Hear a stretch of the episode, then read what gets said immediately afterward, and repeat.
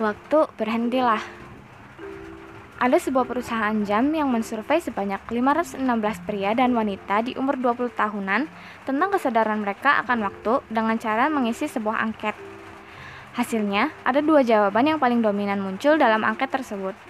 Yang pertama adalah menginginkan waktu berhenti pada waktu yang sangat membahagiakan, dan yang kedua adalah menginginkan waktu berhenti karena merasa akan gagal, dan di saat waktu berhenti itulah akan memikirkan jalan keluar.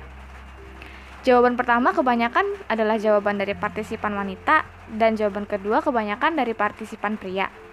Dapat terlihat, meskipun keduanya sama-sama ingin waktu berhenti, namun pria cenderung lebih pesimis. Ada juga jawaban yang hanya ditulis oleh wanita, yaitu saat pergi ke Disneyland dan saat memakan makanan yang enak.